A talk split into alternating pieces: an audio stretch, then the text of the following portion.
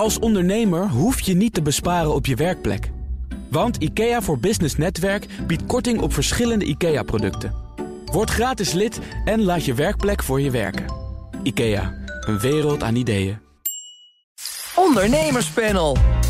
Een van de grootste horecaconcerns in het oosten van het land moet vechten voor zijn leven. En de tabakspeciaalzaak maakt een opmars in Nederland. Dat en meer bespreek ik in het ondernemerspanel met Monique Ansing van de Jumbo Spanbandfabrikant en All Day Nuts. En Marlies Moor, ondernemer, communicatie-expert. Welkom, goed dat jullie er zijn. Goedemorgen. Dankjewel. Met natuurlijk ook aandacht voor jullie eigen nieuws. Monique, wat wil jij eruit lichten? Ja, ik zocht vooral naar een beetje positief nieuws. En dat was best heel lastig. Maar vanochtend stond er toch nog een positief bericht in de krant, uh, in het FD. Over dat de grondstofkosten weer wat zijn gedaald. En als je het vergelijkt met 2019 zijn ze nog steeds hoog. Maar gedaald ten opzichte van de coronajaren en 2022. Dus dat is op zich goed nieuws voor de producenten en ook dan de consumenten. Want dan gaan de prijzen weer een beetje naar beneden. Aan de andere kant vind ik het ook wel weer lastig nieuws. Want dan is het weer aantrekkelijk om daar volop gebruik van te maken. Precies, en dan gaan we toch weer, dan wordt die innovatieslag weer een beetje vertraagd. En uh, terwijl we juist die grondstoffen in de grond moeten laten zitten en andere dingen moeten gaan verzinnen ter vervanging van de grondstoffen. Wat heb jij de afgelopen tijd al gemerkt van die wat lagere prijzen voor grondstoffen? Als ondernemer? Ja, zeker. Voor al onze producten zeg maar, die we inkopen, waarvoor onze spanbanden onder andere te maken, zijn de, de prijzen gedaald. Gelukkig wel. Want de marges staan nog steeds onder druk. En uh, ja, dus die, die naweeën van de coronatijd en zeker de, het jaar daarna, dat voelen wij nog steeds.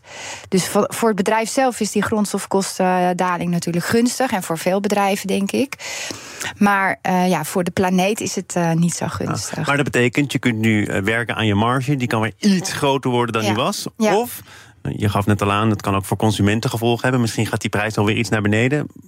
Zie je dat ook voor je eigen product, voor de spanband gebeuren of uh, niet? Ja, zeker. Nou, we hebben al die onderhandelingen zijn we natuurlijk middenin. Hè, dat aan het eind van het jaar heb je altijd onderhandelingen met de retailers voor de prijs voor het komend jaar.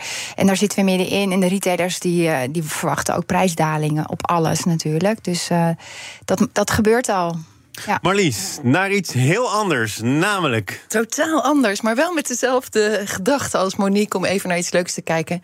Nou ja, er was een hele leuke business opportunity vanochtend in de Volkskrant. Ik dacht, Thomas, wij worden rijk. Wij gaan namelijk de geur van vrouwentranen in een parfumflesje doen. Want mannen blijken min, meer dan 40% minder agressief te worden... als ze vrouwentranen ruiken.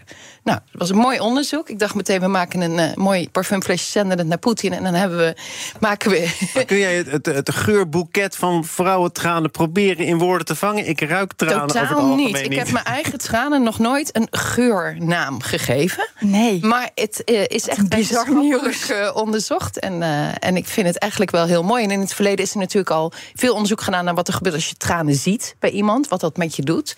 Maar dit is dus iets onbewust wat je opneemt in je, in je reactie. Maar het was echt meer dan 40% minder agressief. Dus ik vond het geweldig nieuws. Volgende stap is natuurlijk vreugdetranen... Ja. Versus tranen van verdriet of tranen van boosheid. Ja, daar kwam een, Nederlandse wetenschapper aan het woord in de Volkskrant. Die zei, nou, ik ben eigenlijk met pensioen... maar dit verdient een volgend Ik kom onderzoek. terug. Ja, ik, ik kom terug. Ja. Ik werd er wel blij van in deze donkere weken. Er werd overigens nog wel ook weer de vraag opgeroepen... is dit nou een toevalstreffer of niet? Is dit Ja. wetenschappelijk te onderbouwen? Nou ja, eh, jij gaat ervoor. Ik vind het een fantastisch verhaal. Moeten we heel veel uien gaan snijden om uh, die tranen op te wekken. Ja, ja. We gaan naar um, iets anders, namelijk de tabaksspeciaalzaak... die weer terug is in Nederland, een opmars meemaakt. En dat is bijzonder na jaren van krimp. Daarover schreef het AD op zondag. De enorme groei is toe, toe te schrijven aan het verdwijnen van tabak uit de supermarkt. Vanaf juli volgend jaar mogen enkel tankstations en tabakspeciaalzaken nog tabak verkopen. En de strijd tegen tabak die wordt al een tijdje gevoerd. Hè. Paul Blokhuis, eh, de voormalige staatssecretaris van Preventie... die verklaarde de oorlog aan het roken. Die Ja, werkte aan een. Rookvrije generatie. Nou, het, eh, een van de eerste initiatieven is... ban die sigaret uit de supermarkt. Ja. En jawel, nu zijn er onder andere supermarktondernemers... die zien een pandje naast de supermarkt leegstaan en Ja, denken... het hey, zijn ondernemers, Thomas. Ja. Ik vind het twee verschillende discussies. De ene discussie is wat willen wij met het aanbod van rookwaren voor de volgende generaties en wellicht ook voor onze eigen generatie nog. En dan is het in het. In het dan, kijk je ook naar andere dingen, bijvoorbeeld eh, wiet, eh, wat gewoon verkoopbaar is, sterke alcohol, et cetera. Dus ik vind het een beetje ingewikkeld. Als ondernemer begrijp ik dat je denkt, nou mag ik het daar niet meer verkopen, dan zoek ik een andere plek. Ehm, maar ik denk dat we het uh, gewoon langzaam moeten afbouwen, naar buiten moeten drukken, zodat uiteindelijk het verdwijnt. Ja, naar buiten moeten drukken. Dit is gewoon vaak nog een redelijk prominente plek in een winkelcentrum. Ja, maar ik denk dat dat de volgende stap zou kunnen zijn. Ik, ik begrijp trouwens gemeentes die zeggen wij doen niet mee. Dat vind ik ook een goed recht. Die zijn er in Utrecht, uh, gaat ja, er anders heen. Ja. Ja, ik denk uiteindelijk dat je het, het, voorbeeld van Zweden zou moeten volgen. Daar heb je gewoon staatswinkels voor alcohol. Nou, ik zou zeggen, we maken staatswinkels voor alcohol, voor MDMA. voor, een beetje ja, maar goed, dan is het in ieder geval van de overheid. En dan gaan ook de verdiensten naar de overheid. Die kunnen we gelijk doorschuiven naar de gezondheidszorg. Dus sigaretten, alcohol, alles wat verslavend is in de staatswinkel. Maar ja, die verdiensten en, gaan nog grotendeels naar de overheid. Ja, voor het groot gedeelte wel. Maar, nou ja, maar anders zouden de ondernemers er niet op inspringen. Dus ik zou me als ondernemer uh, eigenlijk een beetje schamen om uh, dit soort producten te willen verkopen. Nou, voor, jou, voor jou is het niet een verhaal met twee kanten. Wat Marlies nee. zegt, uh, natuurlijk nee. zou je dit met het oog Ben je niet bang dat het ook heel snel in de illegaliteit? Ik bedoel, ik woon in nee, maar Amsterdam. Ik, de mannetjes met de buiktasjes. Ik zie binnen de kortste keren ze al komen om een pakje Marlboro over 50 euro aan te bieden. En er zijn al mensen die dat gaan nee, doen. maar daarom zou ik staatswinkels. Want uitbannen gaat toch nooit lukken. Want dan gaan mensen inderdaad in de illegaliteit. En daar ben ik ook niet voor. Dus ook gewoon MDMA daar verkopen. En, uh, maar dan is het gewoon gecontroleerd. En dan gaan alle opbrengsten weer terug naar de samenleving. En uh, dan kunnen we de gezondheidszorg daarmee Als je binnenstapt in zo'n uh, staatswinkel, ik ben er nog nooit geweest, dan moet ik mijn paspoort laten zien. Ja, laten zien hoe oud ik ben. Wat ja, gebeurt er dan? Ja, in Zweden, en daar zijn die staatswinkels. En daar moet je je ideeën inderdaad meenemen. Je moet geloof ik boven de 20 zijn om dat te kunnen kopen. En ja, uiteindelijk wordt dat dus daardoor gereguleerd. En het is natuurlijk best wel een drempel om zo'n staatswinkel in te gaan. Maar ik vind ook een supermarkt is voor gezond eten en niet voor drank en voor sigaretten. Dus ja, maar dat, dat, is gebeurt nu, hè? Dat ja, maar is... dat is een hele. Nou ja, goed, ik vind drank is dan een tweede wat je eruit kan bannen. Maar het, dat hoort gewoon daar niet. Dus, uh, maar, ik vind het wel ja. ver gaan. Ik, ik ben wat dat betreft denk ik toch ook nog wel voor de vrijheid van ieder individu om jij keuzes te maken. Ik wil niet zeggen. Ik ben absoluut voor dat we langzamerhand tabak uit de maatschappij krijgen. Absoluut. En ik zou dat nog wel voor meer dingen willen. Maar om nu specifiek hier op tabak te zeggen: nee, ho, het is afgelopen. Terwijl uh, kinderen kunnen gokken, uh, drugs op elke hoek van de straat kopen. Ja, maar is dat, is dat het argument? Het een mag, dus moet je het ander ook nee, niet dat, verbieden? Dat, dat is terecht opmerking. Ik denk op dit moment: het is gewoon een product dat toegestaan is in onze maatschappij. Dus als het op de ene verkoopplek niet meer mag, begrijp ik dat een ondernemer een andere verkoopplek zoekt. Maar ja, je kan zelf zeggen van ik ben het daar niet mee eens, dus ik laat het niet toe. Ja, en dat gebeurt ook in het geval van bepaalde vastgoedverhuurders. Hè. Wereldhaven heeft al gezegd. Ja, die wil het niet in zijn, uh, ja. zijn winkelcentrum. Nou, dat begrijp ik. Ja, dat is ieders goed recht. Maar daarom zou ik gewoon pleiten voor staatswinkels. Dat is gewoon de volgende stap. Ik denk dat dat de, de beste oplossing is. Overigens, die tabakspeciaalzaken, dat zijn geen staatswinkels, maar daarvan wordt dan wel gezegd: uh, dit is een plek waar je je goed kunt laten voorlichten, je ook nog kunt laten informeren over mogelijk tabaksvrije alternatieven. Uh, er kan beter gecontroleerd wat, wat, wat zijn tabaksvrije alternatieven? Ja, eigenlijk? waarschijnlijk gaat het over uh, dat vapen en dan dat nog is weer. toch ook niet. zelfs Philip Morris zegt natuurlijk uiteindelijk toe te werken naar tabaksvrije producten. Nou ja, kunnen ze gewoon meteen de stekker uit hun bedrijfsmodel halen en stoppen, toch? Nee, dat kan dus niet meteen. Daarom komen dit soort termen ja. natuurlijk voorbij. Uh, maar zou je kunnen zeggen, uh, zo'n tabakspeciaalzaak is een, een opstap naar zo'n staatswinkel. Er vindt wel iets meer informatieoverdracht plaats? Of het gebeurt in een iets gecontroleerder omgeving? Of denk je, nou ja. Nou, dat, dat zou ik dat hopen, ik. maar ik denk, uh, vergeet het maar. Want het zijn toch ook inderdaad dus ondernemers. Dus die gaan uh, waarschijnlijk ook voor de winst. En uiteindelijk voor hun eigen uh, verdienmodel. En dat is niet de gezondheid van, van hun klanten. Anders hadden ze dit, deze stap niet genomen. Het is, het is een overheidsmaatregel om dat aantal verkooppunten steeds verder terug te dringen. Het aantal plekken te beperken. Maar had je dit nu kunnen voorzien? Jullie zijn ondernemer, maar zoekt water altijd het, het laagste punt. Dus weet je, supermarkten mogen niet meer verkopen, dan komt het op een andere plek terug? Ja, tuurlijk. Kijk, ik denk ook dat het dat een utopie is om te denken dat je dit soort dingen kan uitbannen uit misschien over 100 jaar. Maar, maar het, het is wel al blijft het er toch in een aantal landen dat als je het moeilijker verkrijgbaar maakt, dat het wel af gaat nemen, het gebruik. Voor een groep wordt het. Blijkbaar is er een groep die, die minder. Die, die heeft geen zin om uh, meer moeite te doen. En terecht, uh, op het moment dat die tabakzak naast je Albert Heijn zit, is het heel makkelijk. Maar als je kijkt naar, de, naar Utrecht, daar wordt het dus veel lastiger om te kopen. En dat zal absoluut effect hebben. En dat is net als de suikertax, daar kun je ook van alles van vinden. Ik denk dat het goed is dat we hè, met alle focus op leefstijl het lastiger maken. Nou ja, je kunt er inderdaad van alles van vinden. Want je hebt het over die suikertax. Daar wordt al eindeloos lang over gediscussieerd. Uh, verschillende btw-tarieven op verschillende producten. Ja. Uh, de plastic verpakkingen. Hè, dat is recent nog weer eens uh, overboord gegooid. omdat het niet uitvoerbaar bleek te zijn. Waar al vooraf voor gewaarschuwd werd. Het is blijkbaar... Daar zijn wij in Nederland heel goed in om, om dat soort maatregelen te doen zonder heel ja. goed na te gedacht te hebben wat de gevolgen op lange termijn zijn. Nee, dat klopt. Maar daarom denk ik ook, doe dan eerst even onderzoek. En dat is natuurlijk altijd, we zitten hier vaker van de politiek. Ga even praten met de mensen om wie het gaat. Dus ga dat niet helemaal in de achterkamertjes verzinnen. En twee, kijk gewoon naar goede modellen in andere landen. Want die zijn er gewoon. Dus kopieer eens, ja. dat. In plaats van elke keer het wiel opnieuw uit te vinden. Dus uh, dat, dat roepen we maar weer even richting uh, de overheid. Ik uh, blijf met jullie in de sfeer van de wielen. Zaken doen. Thomas van Zeil. Monique Ansink en Marlies Moor zijn de leden van het ondernemerspanel. Er lijkt weer leven te zitten in Lightyear. Het zonneautobedrijf krijgt naar eigen zeggen miljoenen van een Zuid-Koreaanse investeerder. Daarover schreef het FD gisteren. Lightyear ging eerder dit jaar failliet toen een grote investeerder zich terugtrok. Nu is er een doorstart met nieuwe investeerders. Uh, Monique, ook vaker besproken, ook met jou Marlies in dit uh, panel, is de, de opkomst en daarna weer de neergang van Lightyear. Een elektrische auto met zonnepanelen erop. Nog even kort recapitulerend. Hoe kijk je nou naar Lightyear? Wat is daar gebeurd en wat komt er nu van terecht? Nou, wat ik, ik heb mensen op het podium gestaan, want ze stonden ook in de top 250 uh, groeibedrijven van Nederland, de jonge bedrijven. Dus het is natuurlijk hartstikke gaaf dat vanuit zo'n vanuit studenten zo'n uh, product wordt uh, bedacht. En dat is ook de innovatie die we gewoon nodig hebben om die transities allemaal door te maken.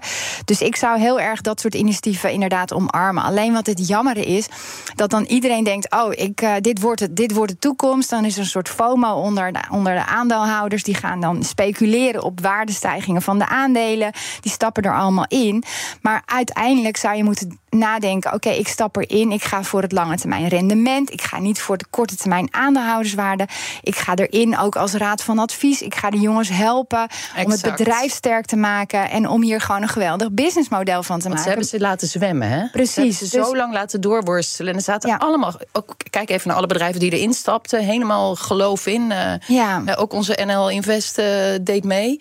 En ze hadden als adviseurs echt grote namen. Met, hè, mannen, vrouwen met heel veel ervaring. Die hadden toch eigenlijk veel eerder moeten zien. van joh, dit zijn een stel studenten. die moeten nu honderden mensen aansturen. Ja, hoe, dan? dan? Ja, precies.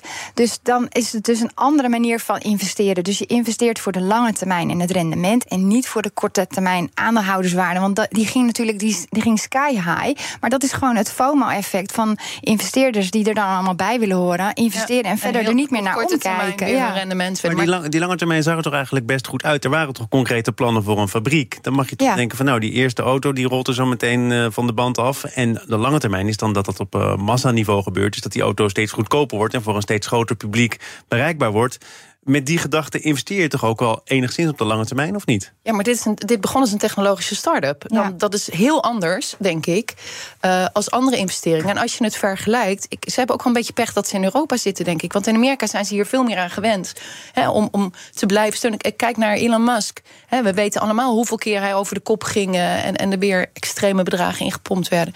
Dus ik ben het helemaal met Monique eens. We moeten dit ondersteunen. En ja, wellicht kijken hoe we het nu uh, ja, in Koreaanse handen. Ja. Nou, ze hebben wel, overigens nog wel een appeltje te schillen met de curator. Hè? Als je het toch hebt over investeerders en op welke gronden die zijn ingestapt. Die curator zegt, er is ook een verantwoordelijkheid van het bedrijf om duidelijkheid te scheppen over de financiële situatie van dat bedrijf. Zeker. En die curator betwist of dat wel in voldoende mate is gebeurd. Ja, maar dat kan ook eraan liggen, inderdaad, dat ze dus gewoon niet genoeg ervaring hebben om dat te doen. Dus als investeerder, ja, ik zou er gewoon dan bij gaan zitten, bij wijze van spreken, in de Raad van Advies, Raad van Commissarissen. En dat goed inrichten. En met mensen die ook verstand hebben van die business, om, uh, om zo'n bedrijf uh, ja, verder te helpen.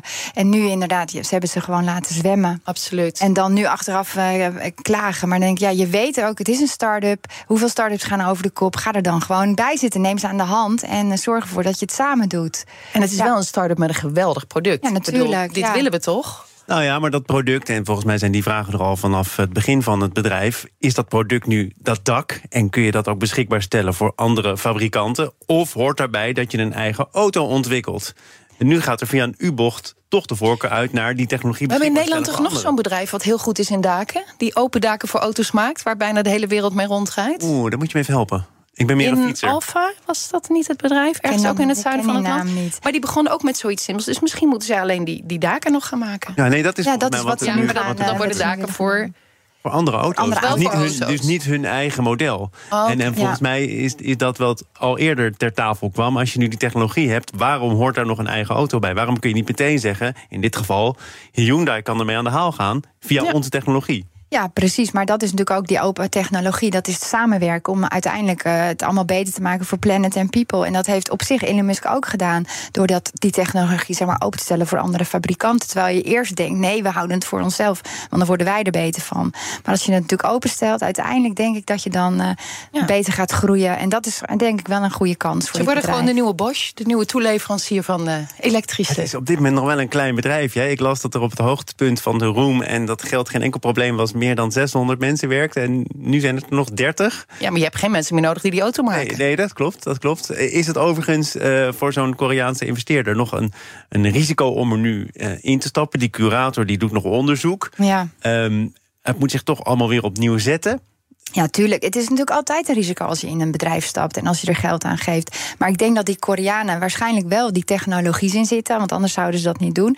En ik verwacht dat zij ook wel bovenop gaan, dat bedrijf gaan zitten, ook eh, in de RVC of in de Raad van Advies, om eh, ja, goed eh, vinger aan de pols te houden wat er gebeurt. En misschien kunnen zij ook nog wel technologie brengen. Dat is vaak ook zo. Dus dan kunnen ze elkaar weer versterken. Dat neem ik aan. Het is nu een, een investeerder uit Azië. Daar kwam al eerder hier ter tafel. Had het nou veel gescheeld als dit een Amerikaans bedrijf was of een Aziatisch bedrijf? Eh, is het echt zo, Marlies, dat als je in Europa met technologie begint, eh, dat de kansen dat je het redt aanzienlijk kleiner zijn? Oh ja, daar lijkt het in dit geval wel een beetje op. Ja, ik, nou, eh, ja, wat mijn ervaring is met in Amerika beginnen hebben zijn natuurlijk ook waanzinnig veel start-ups. En hier in Nederland zijn ook heel veel start-ups. Dat, dat lijkt op elkaar. Maar de tweede trans, dus om een start-up van naar een scale-up te maken, daar doen wij in Nederland niet zoveel aan. Dan laten we het een beetje los, ook vanuit de overheid. En in Amerika zie je dus ook hele grote subsidies voor dit soort technologieën om zo'n bedrijf van start-up naar scale-up te krijgen. En daar, daarmee maak je die, dus, die bedrijven heel sterk. Dus dat model zou de Nederlandse of Europese overheid ook kunnen overnemen van ja, de het Amerikaanse wordt de tweede overheid. oproep aan de politiek van vanochtend. Ja, maar dat doen we hier vaker. Maar ja. volgens mij nog eh, onderzoek van vorige week... het aantal snelgroeiende bedrijven in Nederland eh, neemt alleen maar toe. En onder die snelgroeiende bedrijven zou je dan toch ook scale-ups verwachten? Jawel, maar hoe zit dat op de langere termijn? Hoe staan ze er dan voor? En ik denk dat daar de, de pijn zit. Ja, ja, en trouwens, het neemt niet echt heel erg toe hoor, die snel groeiende bedrijven. Dus Ja, eh, j- j- jij kent die cijfers ongetwijfeld, maar er is toch ook een, een centrum eh, verbonden aan het Erasmus Ja, eh, klopt, ja. Center for Entrepreneurship. ja, Dat volgens mij wel met deze cijfers kwam. Het aantal snelgroeiende stond- bedrijven neemt toe en het daar. aantal bedrijven dat krimpt neemt ook toe. Ja, dus het ja. gat wordt groter. ja, en heel veel bedrijven die dan uiteindelijk in het begin heel snel groeien, die groeien daarna dus niet meer. En daar zit dus de bottleneck. Dus je, die, die fase van scale-up, die moet je ondersteunen. Want Ja. niet alleen maar die start-ups, want daar gaan er zoveel van over. Dat versneld groeien moet op een later moment komen. Dan heb je volgens mij veel meer kans op succes. Panel. Het ondernemerspanel is te gast met Monique Ansink van Jumbo, spanbandfabrikant en All Day Nuts... en Marlies Moor, ondernemer en communicatie-expert. Het horecaconcern van Galit Ubaha, een van de grootste horeca-ondernemers... in het oosten van het land, vecht om te overleven. Daarover schrijft het FD. De rechtbank Gelderland geeft het concern tot februari de tijd... om een akkoord te bereiken met schuldeisers... Eh, leden van het panel, Galit Ubaha, was een van de meest vocale stemmen tijdens dat hele coronadebat. Hij zat in allerlei talkshows, eh, nooit te beroerd om zijn mening te verkondigen. Maar Lies, voor jou een onbeschreven blad. Je kende hem niet. Nee, ik eh, moet heel eerlijk toegeven dat ik het moest opzoeken. Ik las het ook in het FD, maar het was voor mij nieuw. Ja, volgens mij worden er nu twee dingen even met elkaar verward. Heb ik een beetje het gevoel. Aan de ene kant is het gewoon een ondernemer die waarschijnlijk het niet helemaal goed heeft gedaan.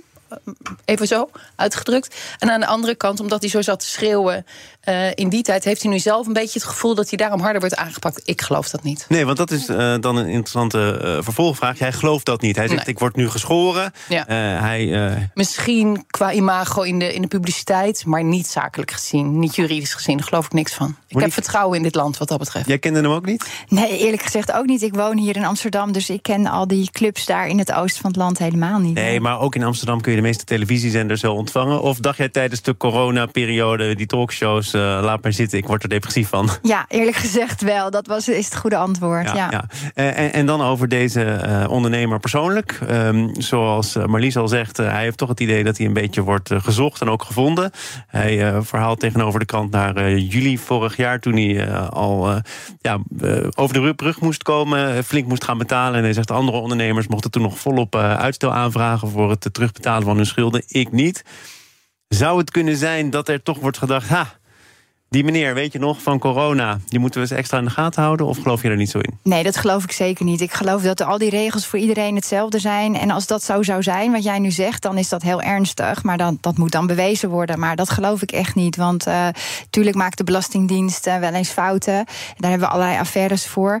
En uh, ja, dat moet dan maar blijken. Maar in eerste instantie zou ik verwachten dat de Belastingdienst geen onderscheid maakt tussen bedrijven. toen ik het las, toen dacht ik meteen: het is een gevalletje Koistra. Als je dan verder leest, dan zie je dat hij er ook ooit bij begonnen is.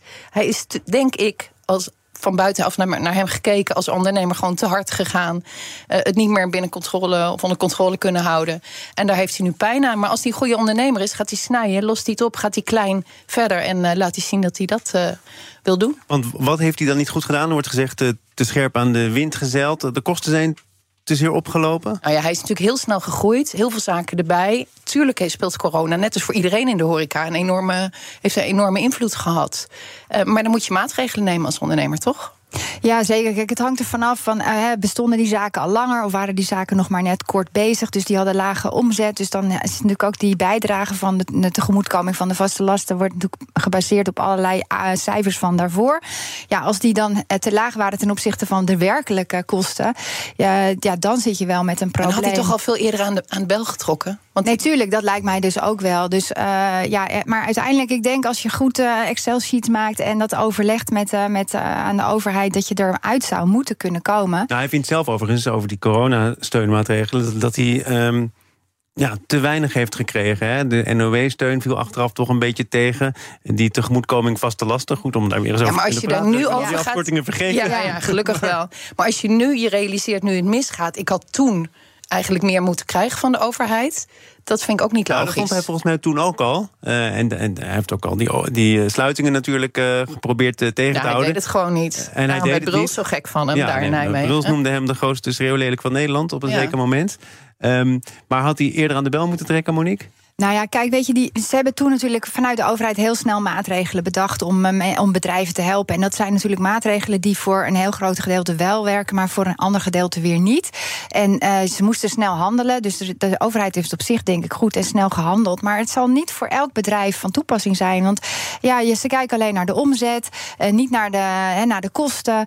Dus ja, de bedrijven die hele hoge kosten hebben gemaakt, die zijn ook niet geholpen. Dus, maar uiteindelijk, ja, ik denk ook doorpakken, dan maar achter je laten, tering naar de nering zetten, was ook altijd een goed, uh, goed woord. En, uh, ja, achter je laten. Hij heeft de 20 zaken, waarvan 14 met een negatief eigen vermogen. Er is een crediteur die een advocaat heeft ingeschakeld. Um, ja. ja, de tering naar de nering zetten, zaken achter je laten. Hij torst gewoon een behoorlijke erfenis met zich mee natuurlijk. Ja, nee, ik vind het ook echt uh, verdrietig. En er zullen ja, zo... voor al die mensen die daar werken. Ja, maar ja, er zijn er waarschijnlijk veel meer bedrijven... die op die manier op dit moment uh, in de wedstrijd zitten. Maar dan het beste is toch naar de toekomst kijken... En, en goede afspraken maken. En nu zouden die horecazaken toch wel weer winst moeten gaan maken. En als je dat kan laten zien, kom je denk ik best een heel eind met schuldeisers ook. Ik denk het ook. En wat is, wat is nu, uh, en niet per se in deze zaak, maar wat is nu het gouden argument waarmee je mensen overtuigt? Schuldeisers in dit geval. Overigens eh, zeggen de. Oh, je prognoses. Ik bedoel, hij heeft volgens mij restaurants in Nijmegen waar ook de vierdaagse feesten altijd zijn. Ik. Uh, doe geen uitspraak over wat ik denk dat er aan omzet gedraaid wordt. Maar volgens mij uh, is dat heel substantieel. Ik denk dat je een plaatje kan voorleggen en zeggen: met deze zaken ga ik wel verder, met die niet. Ja, door de zure appel heel eenbijten. En vooral voor de werknemers heel erg. Um, en dan weer verder. Ja, en de verliezen zijn ontstaan door oorzaken van buitenaf. Hè. Dat moet je gewoon vaker benadrukken. Want daar, kan je, daar konden ook al die horecazaken natuurlijk niks aan doen. Dus het is verschrikkelijk dat je van bovenaf opgelegd krijgt dat je je tent moet sluiten. Dat werkt voor niemand. Dus, maar zou je eh, als schuldeiser dan ook op een zeker moment moeten zeggen: ik neem gezien jouw situatie even genoegen met minder? Ja, ik denk het wel. Ja. Ik denk het wel. Kijk, of het moet zo de- depressief en, en slechter uitzien dat, het- dat het gewoon het risico te groot is. Maar als er goede prognoses zijn, eh, ja, kan je daar volgens mij hele goede Ja, afspraken Maar ik over hoorde hem helemaal niet over zijn huren. Want eh, geen van die panden zijn, eh, zijn eigendom. Hij pacht.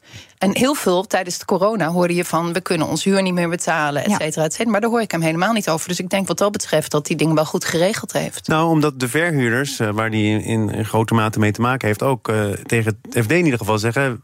We hebben geen last van betalingsachterstand. Dus misschien Nee. zit het probleem dan eerder bij de brouwers. Of bij de Belastingdienst. Of bij de Of bij de overheid. Belastingdienst. Dat denk ik. En ik eh, ga ervan uit dat je met de Belastingdienst echt goede afspraken kan maken als je goede prognoses kan laten zien. Ja. Ik dank jullie voor dit eh, opbeurende slotakkoord van het panel net voor kerst. Ja, Monique Ansink van tuurlijk. Jumbo spanbandfabrikant Day Nuts. Marlies Moor, ondernemer, communicatie-expert. Tot volgend Tot jaar. de volgende Tot volgend keer. jaar. Dit Dankjewel. eh, panel is ook te beluisteren als podcast. Abonneer je gerust via je favoriete kanaal of de BNR-app. Het inrichten van je eigen zaak is best wel wat werk. Daarom biedt IKEA voor Business Netwerk 50% korting op interieuradvies. Word gratis lid en laat je werkplek voor je werken. IKEA, een wereld aan ideeën.